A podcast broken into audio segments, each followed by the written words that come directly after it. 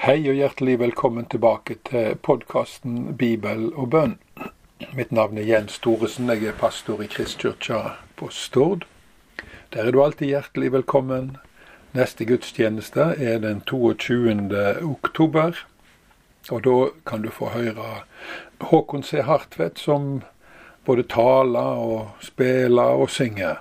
Han er flink til begge deler, så du er hjertelig velkommen i Bjellandsveien 51 klokka tolv. Da er det vi pleier å starte våre gudstjenester. I dag så skal vi lese salme 119, vers 137 til 140. Og der leser vi slik i Jesu navn. Du er rettferdig, Herre. Dine lover er rette. Du gir dine lovbud i rettferd og i din store truskap. Min brennende iver gir ende på meg, for motstanderne mine har gløymt dine ord. Ditt ord er prøvd med eld, tjeneren din elsker det. Vers 137 er en proklamasjon. At Herren er rettferdig og Hans lov er rette, betyr at det er Herren som definerer hva som er rett og rettferdig, og han kan ikke overprøves på det. Vers 138. Gud har gitt lovene sine i stor truskap. De er helt og fullt tilpassa skaperverket. Universet er både fysisk og moralsk, og moralen i Guds lov er helt og fullt i harmoni med det fysiske skaperverket. Å tjene dette, det samsvarer helt, noe som vi også kan se i menneskerettighetsfråsegna. Ånda og innholdet i denne er i stor grad henta ifra Guds åpenbaring i Bibelen. Når denne fråsegna i artikkel 1 slår fast at alle mennesker har samme verdi, og at vi er forplikta til å behandle hverandre som søsken, så er jo dette en direkte følge av Bibels budskap om Gud som far for alle, og om kvinne, mann, fri, trell, jøde eller greker, som det heter i det bibelske språket. Alle er skapt av Gud, elska av den samme evige, guddommelige kjærligheten. Og Gud endrer seg ikke. Hans program og prinsipp er de samme fra generasjon til generasjon, slik som naturlovene er stabile og så pålitelige at de kan settes opp med hjelp av matematiske likninger. Guds morallov er på samme måten et intellektuelt uttrykk for den moralske virkeligheten slik han var også før lovene ble formulerte. Moralen kom ikke med lovene, men, men faktisk omvendt. Gud er ikke som muslimene sin Allah, som kan overraske med å frigjøre seg ifra boka si fra Koranen og bestemmer nær sagt hva han vil. Vår Gud er ikke sånn. Hans ord reflekterer hans evige vilje. Og han har bundet seg til det som står i Bibelen. Han er Bibelens Gud, og Bibelen er hans bok. Han kommer aldri til å lure deg, skjønner du. Han er transparent og forståelig. Vers 139 skildrer det som hendte med profetene i Det gamle testamentet, Johannes døyperen, Jesus, apostlene og talløse engasjerte kristne i ettertid, som f.eks. Rola i Italia og Johan Huss fra Bøhmen på 1400-tallet, begge to forløpere til reformasjonen.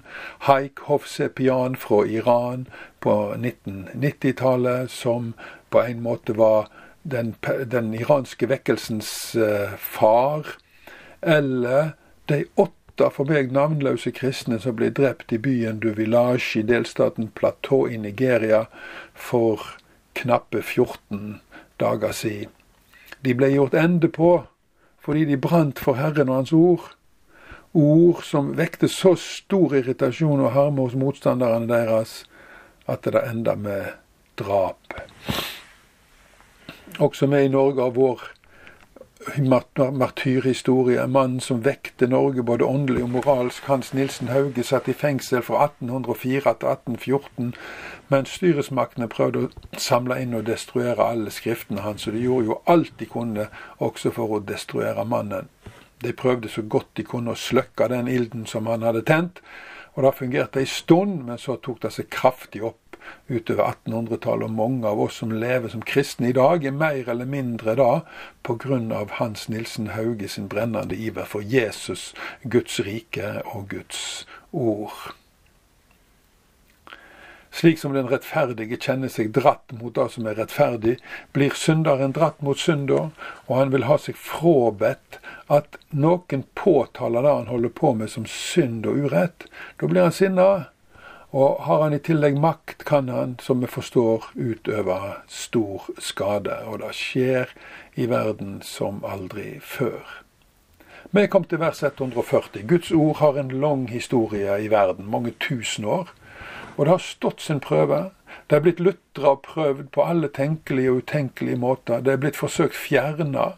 Det er blitt håna, nedvurdert, feiltolka, vridd på, problematisert stilt spørsmål ved, trampa på, latterliggjort og fillerista. Men det står seg. Ikke en tøddel er blitt vekke, og det kommer alltid tilbake til nye mennesker med sin livgivende og skapende kraft. Men alle som har prøvd å gjøre ende på Guds ord, de er i dag borte, vekk. Og, så, og det skjer med alle som er med på den businessen der. Men eh, Guds ord har altså ei livgivende og skapende kraft, og når det skjer at det kommer til folk, da forstår de at dette ordet er mer verdt enn det reneste gull, for det kobler de til Gud og formidler håp, tru og evig liv. Det løfter også samfunnet opp moralsk og økonomisk ved at det fjerner rus, vold og annen kriminalitet ut av folks liv. Folk må vende om i møte med Gud i Hans ord. Det styrker og helbreder ekteskap, og det gjør heimene fredelige og varme og trygge og gode for barn å vokse opp i. Og sannelig, min hatt, det trengst.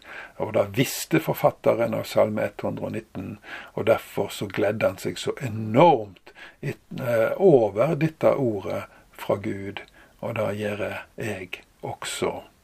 La oss be sammen. Fader vår, du som er i himmelen. Lat navnet ditt helgast, lat riket ditt komme. Lat viljen din råde på jorda så som i himmelen. Gi oss i dag vårt daglige brød, og forlat oss vår skyld som vi òg forlet våre skuldmenn. Og før oss ikke ut i freisting, men frels oss fra det vonde, for riket er ditt og makta og æra i all eva.